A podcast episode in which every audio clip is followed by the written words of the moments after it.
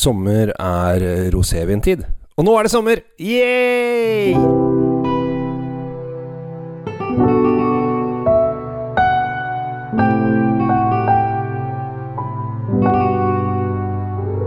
Hei og hjertelig velkommen til dagens episode av eh, Kjells vinkjeller. Sola skinner og jeg har det bra, og jeg er så glad osv. Eh, da er det jo bare én ting å gjøre hvis man skal drikke litt vin, og det er å gå til eh, rosévin. Rosévin er jo en fantastisk oppfinnelse. Faktisk så er det egentlig det romerne drakk. Eller alle, alle drakk på, når de lagde vin på røde druer før 1600-tallet, kanskje. Eh, for det var da de på en måte lærte å lage rødvin. Eh, før, så i gamle dager, så tok de jo alle druer, om de var røde eller hvite, eller blå eller hvite, eller hva det grønne, eller hva de skal kalle det, velge farge sjæl.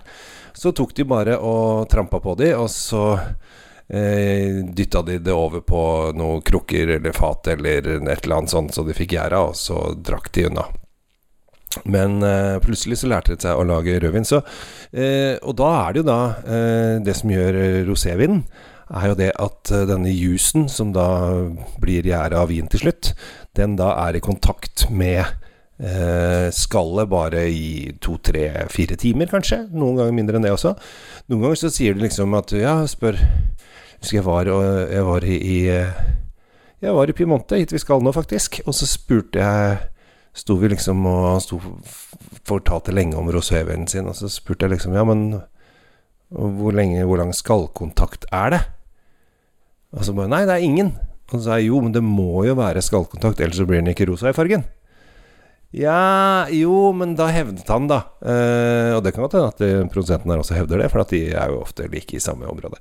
Da hevdet han at fordi at de presset så sakte, så var det ingen skallkontakt. Men det er jo da i og for seg Altså, det han sier, at eh, jusen ligger ikke med skall etter at de har pressa, men de presser det veldig, veldig, veldig sakte, sånn at den på en måte tar med seg litt av fargen i skallet. For det er der fargen skallet ligger.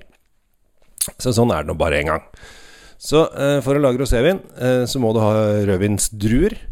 Og så presser du den da enten sakte, eller la skallet ligge litt så for farge. Og man lurer på hvorfor ligger det ikke en uke det er faktisk noen som gjør det. En gresk rosévin ligger faktisk en ukes tid, eller kanskje to.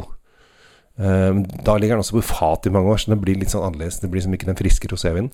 Men det er liksom ikke noe poeng å la den ligge mer enn 48 timer. For da har den satt så mye farge. Eh, ikke så mye smak, men så mye farge at da begynner den å bli nesten litt sånn rødlig. Eh, og det vil man ikke, på en måte. Man vil gjerne ha den lyse fargen. Men man kan se kanskje på, på søritalienske roséviner, så kan de være litt mørkere i stilen. Eh, det kan det være. Men eh, liksom den gjengse, hvis du går inn på et vinmonopol, f.eks. Eh, I vinmonopol, så er I en vinbutikk eller på Carrefour i Provence, så er det jo to kilometer langs rosévinhylle. Der alle er prikk like, bare forskjellige navn. Så Da ser de helt like ut, bortsett fra at alle har veldig rare flaskeformer, da. Men det er alltid gøy. Men det driver de ikke på med i Italia, og jeg har da funnet frem da eh, Sereja Lang Rosato. Skal vi se.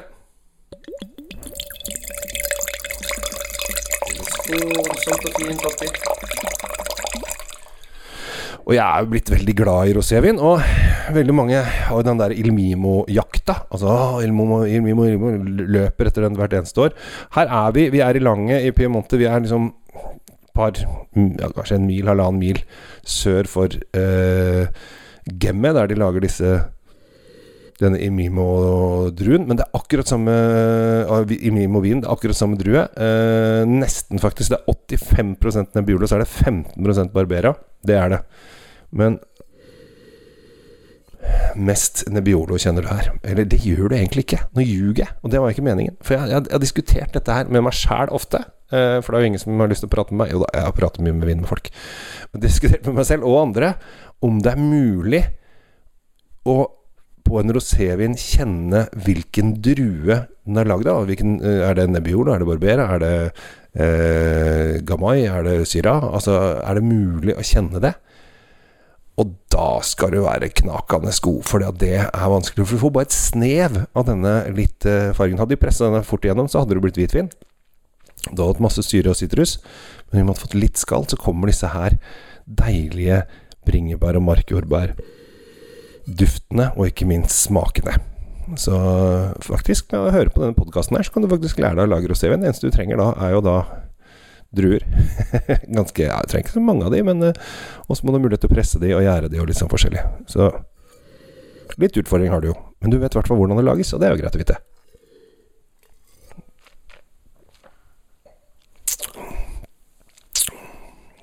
Ja, her kommer bringebærene. Kanskje ikke så mye markjordbær, men mer vanlige jordbær. Og så er det en eller annen sånn urteting som ligger der. Den er frisk. Det er masse sitrus og frisk syre. Det er litt sånn sitronsitrus. Når den ligger oppå toppen her, og du kan liksom bare sitte på verandaen i sola og kjenne den friske ettersmaken, da er, det er godt å leve. Da er det godt å leve. Og det er deilig å leve, folkens! Livet er herlig. Livet er en gave. Vi må bare gjøre mest mulig ut av det og kose oss mest mulig på veien. Eh, samtidig så må man prøve å glede omgivelsene sine. Hvis du greier alle de tingene, så er du gjort eh, ganske, ganske greit. Denne her, eh, Caretta Kereya, jeg aner ikke hvordan det uttales, eh, Lange Rosato 21, har bare kommet seg inn på ett pol. Eh, det tror jeg var Lambertseter eller noe sånt. Så hvis du blir sånn der 'Å, jeg må ha den', så må du til Lambertseter. Hvis ikke, så er den lett å bare bestille til ditt lokale pol. Um, den koster 199,90. Koster 200 kroner. Uh, og det syns jeg den er verdt. Uh, helt klart. Uh, så det er ikke noe uting å drikke dette her. Ting har blitt dyrere òg. Det er det Det man også må ta litt høyde for. Um, det er veldig mange som ah, jeg har På Facebook-gruppen min så ah, 'Hvorfor har du ikke ukas billigvin lenger?' Og så er det for det første satt jeg av grensen til 130, eller blir 129,90, da. Eh, og det blir jo færre viner som er under 130 kroner, og færre gode viner som jeg har virkelig lyst til å prate om som er under 130 kroner. Men derimot, hvis du kommer sånn over 150 opp til 200, så er det veldig mye, mye deilig og hyggelig å prate om. Blant annet Kereya Langer Rosato 2021. Ta slutt til, jeg. Ah, friskt og deilig. Og med det så ønsker jeg deg en riktig fin dag videre.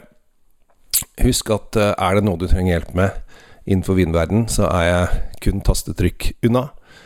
Eh, skulle det være alt fra vinkurs, vinreiser eller bare en hyggelig vinprat, så er det bare å ta kontakt. Jeg heter Kjell Gabriel Henriks. Tusen takk for at jeg får lov til å bringe vinglede. Og tusen takk for at du lytter.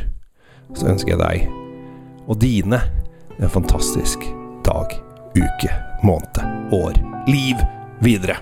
Takk for nå, og ha det bra.